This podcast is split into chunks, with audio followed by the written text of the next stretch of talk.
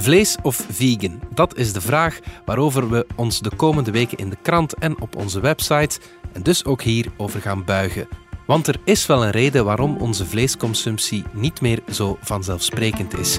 Hoe moeten we omgaan met de biefstuk op ons bord? Het is vrijdag 25 maart. Ik ben Alexander Lippenveld. Dit is vandaag de dagelijkse podcast van de Standaard.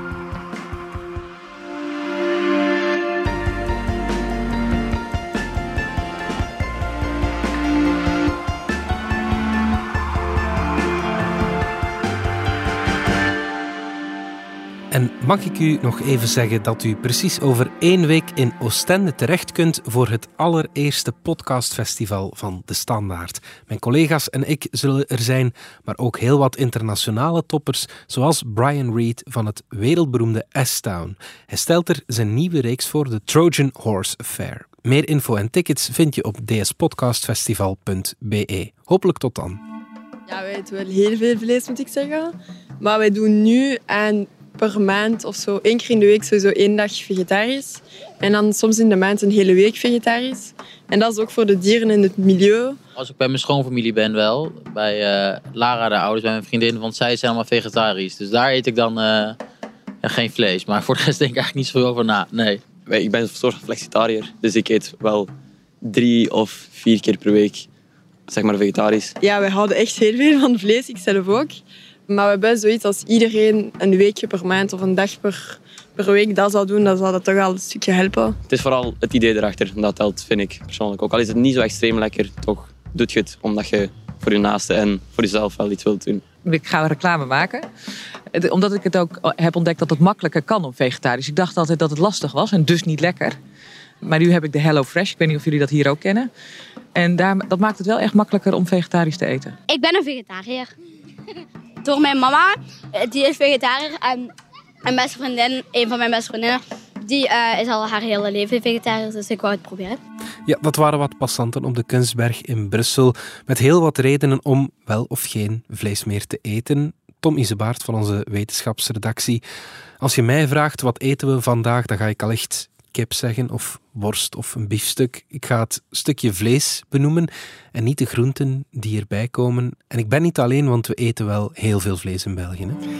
Ja, neem nu 2018, de laatste cijfers. Mhm. Dan had iedere Belg per jaar gemiddeld 75 kilogram vlees. Dat is wel een slachtgewicht. Hè. Dus op wat op het bord komt zal een beetje minder zijn. Mhm. Maar goed, is dat veel, is dat weinig? Het is in elk geval minder dan in 2010. Toen uh, kwamen we nog aan 82 kilogram per inwoner per jaar. Mhm. We zien dat er toch een daling in zit, vooral van eh, rund- en kalfsvlees. Mm Vergelijken we het met de rest van de wereld, ja, een Amerikaan eet uh, nog een stuk meer vlees, ongeveer 100 kilo per jaar. Maar ga je naar een aantal andere landen kijken, zoals in Afrika. Bijvoorbeeld een Congolees die moet het uh, doen met amper 5 kilogram. Dus dat ligt toch wel uh, flink lager. Ja, en in de rest van, van Europa, daar vergelijken we ons natuurlijk gemakkelijker. Ja, in heel Europa is de trend nog altijd een beetje stijgend, maar de Europese Commissie gaat er wel vanuit dat we tegen 2030 gemiddeld 1,1 kilogram minder vlees per persoon gaan eten. Hoe komt dat? Ja, de trend is dalend, omdat uh, veel mensen kiezen ook uh, bewust voor, om minder vlees te eten, ja, om allerlei redenen, dierenwelzijn, gezondheid of ecologie. Ja, oké. Okay. Dus de trend is iets of wat dalend in, in Europa en in België, maar dat geldt niet voor heel de wereld. Hè? Nee, in, uh, bekijk je het over heel de wereld, dan is de trend stijgend. De, de cijfers zijn nogal indrukwekkend. De laatste halve eeuw is de vleesconsumptie verviervoudigd. Okay. De, draagt nu al 320 miljoen ton. Hè. Dat is een hele hoop vlees. Ja. Waar ligt dat dan? Ja, gewoon omdat de wereldbevolking groeit. Mhm. Maar ook omdat in veel ontwikkelende landen hè, de middenklasse wordt groter, die mensen worden rijker en rijkere mensen hebben de neiging om meer vlees te gaan eten. Mhm. Dus het is een beetje een kwestie van welvaart en ook van status. Hè. Ja. Neem bijvoorbeeld China, hè, daar wonen heel veel mensen en de consumptie van varkenvlees is daar tussen 1980 en 2019 toegenomen van 12 naar 40 kilogram per persoon per jaar. Ja, oké. Dat is inderdaad wel een indrukwekkende stijging. Maar dat is geen goed nieuws voor de planeet natuurlijk. Nee, jammer genoeg. Eh, vleesproductie heeft een grote negatieve milieu- en klimaatimpact. Mm. Ook zuivel overigens, alle dierlijke productie eigenlijk. Ja. En uh, ja, hoe moet je dat uh, voorstellen? Kijk alleen maar naar het gebruik van uh, land. Hè. Drie kwart van het landoppervlakte van de aarde dat we gebruiken voor landbouw gaat op aan de productie van vlees en zuivel. -hmm. Hoe komt dat? Ja, om, om vee te laten groeien, laat je ze grazen, daar zijn weiden voor nodig. En als je hen wil voederen, moet je op heel veel land ook veevoeder telen. Ja wie zegt landgebruik, die zegt van ja, dat moet ergens vandaan komen en soms moet daar een natuur voor wijken. Denken we maar aan het uh, regenwoud in het Amazonegebied. Ja. Uh, dat wordt vaak opgeofferd voor uh, veeteelt. ja, ja, ja, en voor die sojaplantages. En voor de soja die, ja, die de dieren opeten. Ja. Ja, ja, ja, ja. Er is nog wel wat aan de hand hoor. Kijk bijvoorbeeld naar drinkbaar water. Dus, zoet water wordt schaars. En om u een idee te geven, als we 1 kilo rundvlees willen produceren, ja, daar is liefst 1400 liter water voor nodig. En voor varkensvlees ligt dat nog zelfs een beetje hoger, 1800 liter. Mm -hmm. Om dat te vergelijken, zet dat bijvoorbeeld af tegen de 59 liter die een kilo aardappel nodig heeft om te groeien. Ja, ja, ja. Als we heel eerlijk zijn, moeten we ook wel zeggen, bijvoorbeeld de productie van kaas en, en noten hebben nog veel meer water nodig ja. dan dat rund of dat varkensvlees. Maar het maar geeft voor een kaas idee. heb je het, natuurlijk ook ja, koeien of geiten nodig. Dus ja. Het is in elk geval ook heel veel water. En uh, waar we ook uh, in de toekomst zuiniger mee willen omspringen. Hè. Mm -hmm. Dus veel landgebruik, veel uh, waterconsumptie. En ja, we moeten het de Vlaming niet vertellen, maar veeteelt, vleesproductie.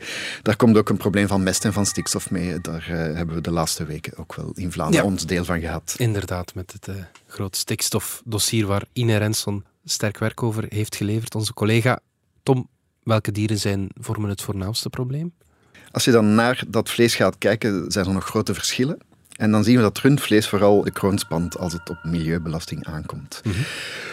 Hoe komt dat? Ja, we hebben het al gezegd, veel landgebruik, veel land nodig om, om veevoeder te, te telen, maar ook het broeikasgas methaan, een heel sterk broeikasgas. Dat is iets wat runderen zelf uitstoten. Hè. Runderen zijn herkauwers en, en, methaan wordt geproduceerd in hun pens, een van hun magen, en ontsnapt dan als ze boeren. Mm, okay. Dat geldt overigens ook voor schapen, niet alleen voor runderen. Ja. Dus wat betekent dat? Als ze boeren? Ik dat ze boeren, ja, vooral als ze boeren. Langs de andere kant. Nee, het is aan de voorkant. Ja, dat is een beetje een misverstand. Okay, het ja. is bij het boeren. Ja. Nu, om daar een beetje een cijfer op te plakken. 1 kilo rundvlees op uw bord, dat komt samen met 100 kilogram broeikasgassen. Mm -hmm. okay. En ook hier is een vergelijking wel aan de orde. Kijken we naar een kilo vlees van gevogelte, dat is kip bijvoorbeeld, dan is dat maar 10 kilogram. Mhm. Mm -hmm. Kijken we nog eens naar onze aardappelen en voor een kilo komen we toe met 500 gram broeikasgassen. Dus dat zijn toch wel serieuze verschillen. Mm -hmm.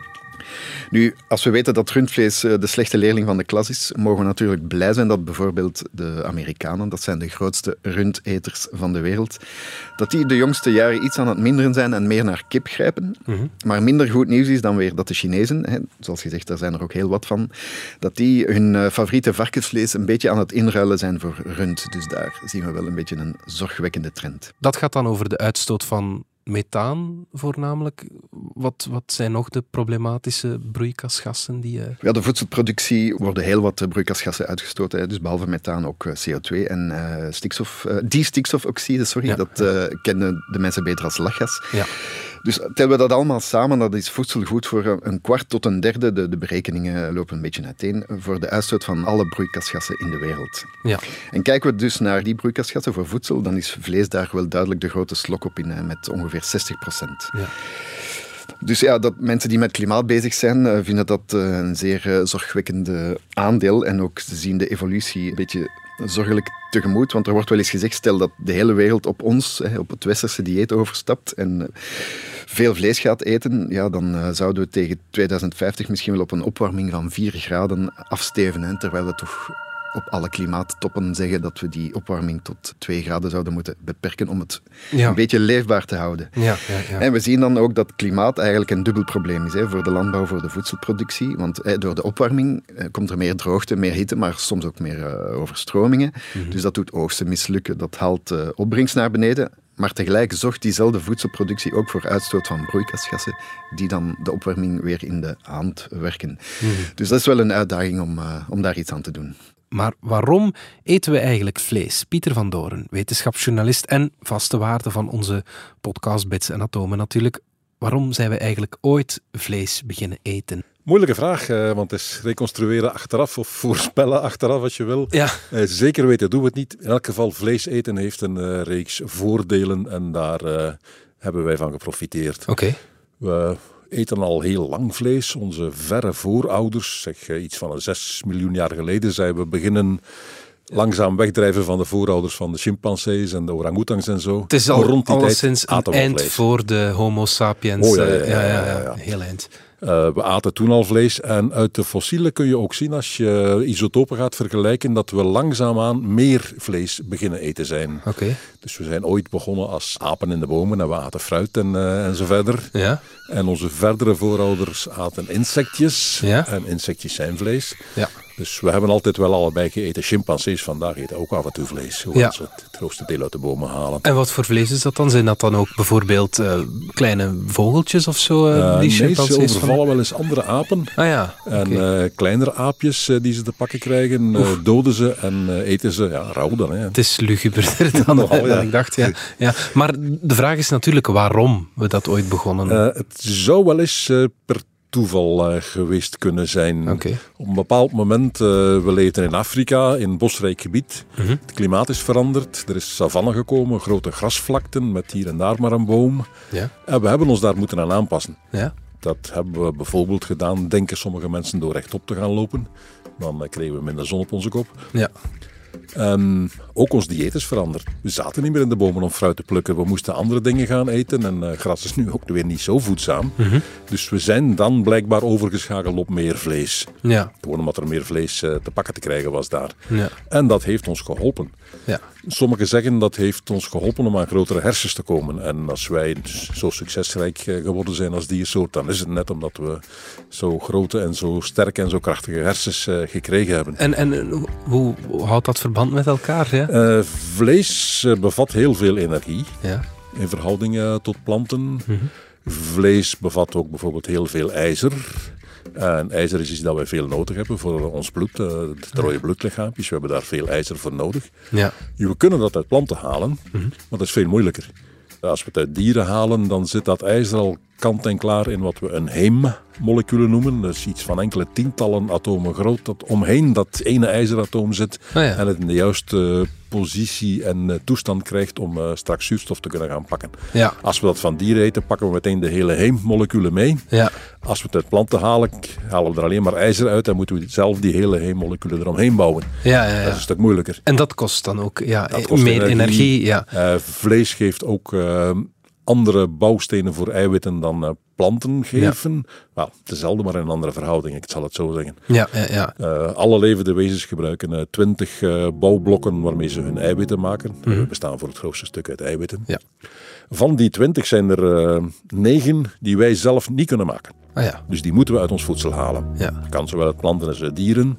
Maar in vlees zit er wat meer van, dus het is gemakkelijker te pakken te krijgen. Ja, ja, Er ja. zijn er zes die we wel kunnen maken, maar niet in alle omstandigheden. Als we bijvoorbeeld een prematuurtje zijn, Mhm. zijn er nog een paar eiwitten die we niet kunnen maken. Als we zwaar ziek zijn, zijn er ook een paar eh, die eraf vallen. Ja, ja. Dus eh, uiteindelijk schieten er nog maar vijf over die we zelf kunnen maken, eh, zonder dat we, whatever dat wat we eten. Ja. Dus ook daar biedt vlees Ja. handige voordelen. We kunnen zonder, Ja. maar het kost ons moeite. Ja, ja, En aan ons lijf is te zien dat we inderdaad eh, op vlees overgeschakeld zijn, of op een gemengd dieet, ik zal het zo zeggen. Ja. We hebben een eh, darmstelsel dat tussen een planteneter en een vleeseter in zit. Iets, iets heel uniek. Eh, Er zijn geen andere dieren met ons darmstelsel. Ja.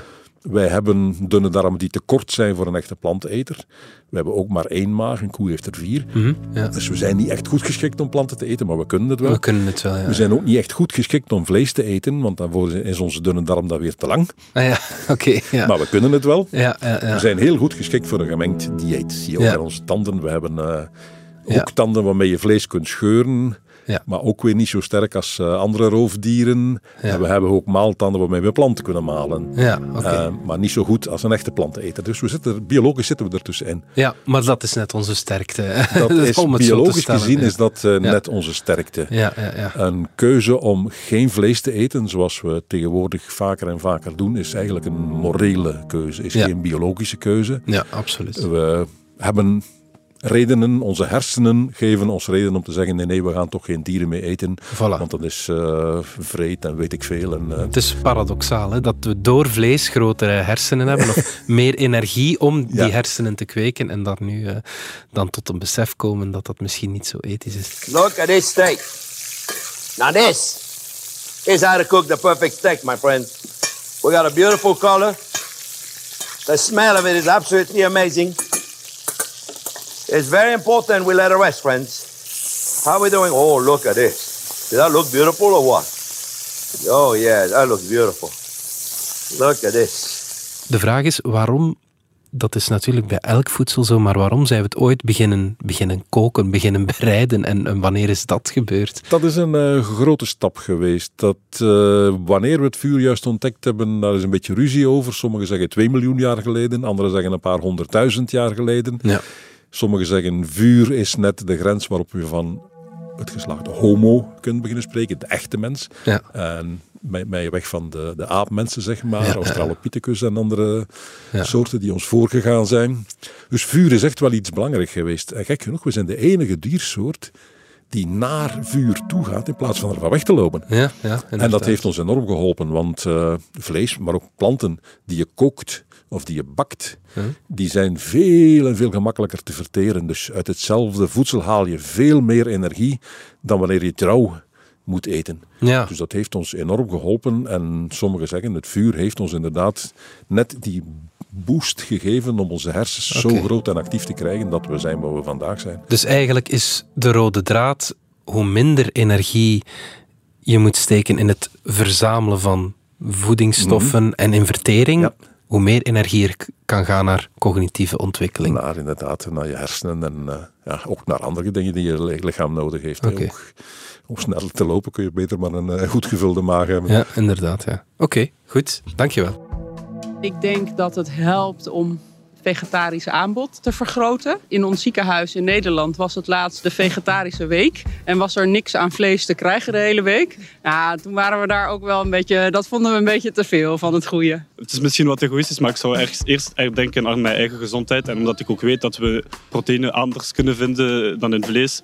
Maar zelf vind ik de smaak ook heel lekker. Dus ik denk niet dat ik er ooit vanaf zal, zal kunnen komen. Van vlees heb ik eigenlijk enkel zo gehakt, altijd gelust of zo. En al die dingen die op etten eindigen, zoals brochetten en koteletten en, en biefstuk en weet ik veel, zo die... eh, ja, snapte ik nooit goed wat daar zo bijzonder aan was. En een ander ding was dat als je ziet hoeveel water in 1 kilo vlees, dan, dan is dat eigenlijk totaal niet meer houdbaar eh, voor onze planeet op dit moment.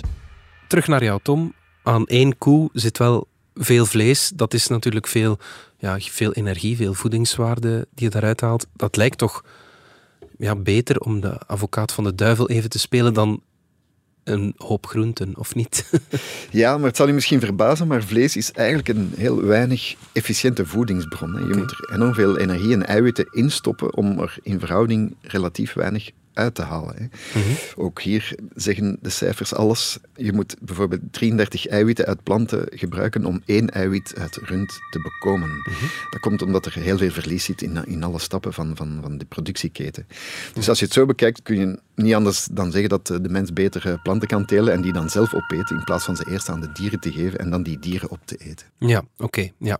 En je zei daarnet, Tom, minder vlees eten zal ruimte vrijmaken. Wat, wat bedoel je daarmee? Ja, het kan misschien een beetje paradoxaal klinken, hè, maar als we zouden meer planten gaan eh, telen om die zelf op te eten, Ja. eh, gaan we toch meer land ter beschikking krijgen. Hoe komt dat? Ja, omdat vleesconsumptie niet eenmaal veel land nodig heeft om veevoeder te produceren. Hè. Als we dat dan gaan vrijmaken voor andere soorten planten die we zelf kunnen eten, dan eh, gaan we waarschijnlijk nog altijd een heel pak land over hebben, omdat we kunnen teruggeven aan de natuur bijvoorbeeld. Hè. En, eh, Ja. en dat zal goed zijn voor de biodiversiteit en, en, en in die natuur zal ook meer koolstof opgeslagen worden. Zo Ja. zijn we terug bij ons eh, klimaatprobleem. Ja, dus het is echt zo. Hè. Wil je iets doen voor het klimaat, ja, start dan met je eigen bord en stop met die biefstuk. Ja, stop met die biefstuk, dat zal eh, voor veel mensen nog altijd misschien iets te drastisch klinken. En Ja. eigenlijk is het ook niet echt nodig om helemaal te stoppen met vlees. Eh, we zouden al eh, aardig opschieten als we met z'n allen gewoon wat minder van gaan eten. Hè. Dus er zijn heel ingewikkelde berekeningen gemaakt, maar stel dat heel de wereld flexitariër wordt. Flexitariër is iemand die op zijn minst één keer per week geen vlees eet, Ja. dan zouden we al eh, 5 gigaton CO2 uitsparen. Hè. Dat, is, eh, dat is een hoop broeikasgas. Ja. En als je dan toch keuzes wil maken en je wil bijvoorbeeld één type vlees van je menu schrappen, ja, dan zal dat natuurlijk beter eh, het rundvlees zijn. Ja, oké. Want om even samen te vatten, hè, er zijn drie dingen die u en ik kunnen doen voor het klimaat. Dat is minder het vliegtuig nemen, Mhm. Ja. uw huis isoleren en dus ook minder vlees eten. Hè. Je, je hoort soms zeggen van eh, laten we minder plastic eh, zakjes gebruiken of zo. Hè. En ja, dat is ook iets wat in enquêtes mensen in westerse landen altijd aangeven van die inspanning ben ik bereid te leveren voor het klimaat of het milieu. Ja, dat, dat, Maar dat, dat heeft geen impact op Jammer genoeg heeft, is die impact veel kleiner en Ja, is, is dat vlees eten veel, eh, ja, heeft dat veel meer impact. En, maar dat is misschien iets dat mensen niet graag zeggen of nog, misschien nog niet graag willen weten. Ja, ja, ja. Je zou kunnen zeggen natuurlijk, eet wat minder biefstuk, want heel erg gezond is dat ook niet. Omdat, omdat, elke, ja, omdat meerdere keren per week te eten bijvoorbeeld. Ja, ja gezondheid is, is naast milieu en, en dierenwelzijn natuurlijk een belangrijke voor veel mensen om eh, aan hun vleesconsumptie eh, te twijfelen of te gaan overwegen om wat minder te doen. Kijken we daarvoor even naar de Wereldgezondheidsorganisatie. Wat zegt die? Ja, eet best niet te veel rood vlees en niet te veel bewerkt vlees. Hè. Dus bewerkt vlees, dat is bijvoorbeeld worst of, of, of charcuterie. Preparé of zo. Ja. ja inderdaad. En dat zou samenhangen met een, een verhoogd risico op hartproblemen, op diabetes en ook op sommige kankers. Ja. Dat verband is wel beter aangetoond in het geval van eh, bewerkt vlees dan met rood vlees. Maar er is ook nog altijd heel veel wetenschappelijke discussie over die, die, die vaststellingen. Hè. Mhm, Maar als je dan zegt van hoeveel mag je dan eigenlijk eten om het nog gezond te houden, ja, daar geeft de Wereldgezondheidsorganisatie dan helaas geen uitsluitsel over. Zo zijn ze dan Ja. weer wel. Kijken we dan bijvoorbeeld naar wat de Belgische Hoge Gezondheidsraad daarover te vertellen heeft. Die raden volwassenen aan om maximaal 300 gram rood vlees en maximaal 30 gram bewerkt vlees per week te eten. Ja. Dat is niet zoveel, hè. even ter herinnering. Vandaag verorbert een Belg eh, gemiddeld zowat 100 gram vlees per dag. ja, dus per week is dat dan ja, toch het dubbele van eh, wat Ja, het zal natuurlijk niet allemaal rood of bewerkt vlees zijn, maar Nee. dat zal er wel een, een, een aardig aandeel eh, Ja. van uitmaken. Ja, nu de vraag is, kunnen we wel zonder vlees, Tom? Ja, het- is onmiskenbaar zo. Het bevat heel wat eh, goede en gezonde bestanddelen. Hè. Eiwitten, mineralen, vitamine. Dus dat is iets wat vegetariërs altijd te horen krijgen. Hè. De, ze krijgen de raad om hun eh, vitamine B12 aan te vullen. Eh, als dat niet kan via vlees of zuivel, ja, moet je daarvoor wel supplementen nemen. Ja. Maar die andere eiwitten kun je uit heel wat andere voeding ook halen. Hoor. Noten, bonen, peulvruchten, om maar een paar te noemen. En eh, iedereen die eens in de supermarkt komt, zal zien dat het eh, trek met eh, groenteburgers en andere vleesvervangers steeds groter wordt. Dus het aanbod is er. En steeds lekkerder ook. En hopelijk ook steeds Ja, lekkerder. ja, ja. Maar ja, de wetenschappersonderzoekers eh, zijn met een beetje science fiction-achtige dingen ook bezig. In de toekomst zouden ze willen eiwitten halen uit de allerkleinste eencellige organismen. Ik denk aan algen, schimmels en eh, ja, zelfs bacteriën. Oké. Ja, voor u roept eh, gruwelijk of uh, bijkes. Ja. Ja, het, het, het is gewoon een heel duurzame bron om eh, eiwitten in, in, in, grote getalen van, van te produceren. Dus uh, ja. dat grote potentieel, uh, dat gaan we op de komende weken belichten in de ja. standaard. In de reeks vlees of vegan lijkt me absoluut de moeite. Tom Isbaert, dankjewel. Dit was vandaag, de dagelijkse podcast van De Standaard. Bedankt voor het luisteren. Ken je trouwens DS Podcast al, de podcast-app van De Standaard? Daar luister je niet alleen naar onze journalistieke reeksen, je krijgt ook elke week een eigenhandige selectie van de beste nieuwe podcasts op de markt. Alle credits van de podcast die je net hoorde vind je op standaard.be-podcast. Reageren kan via podcast.standaard.be. Maandag zijn we opnieuw.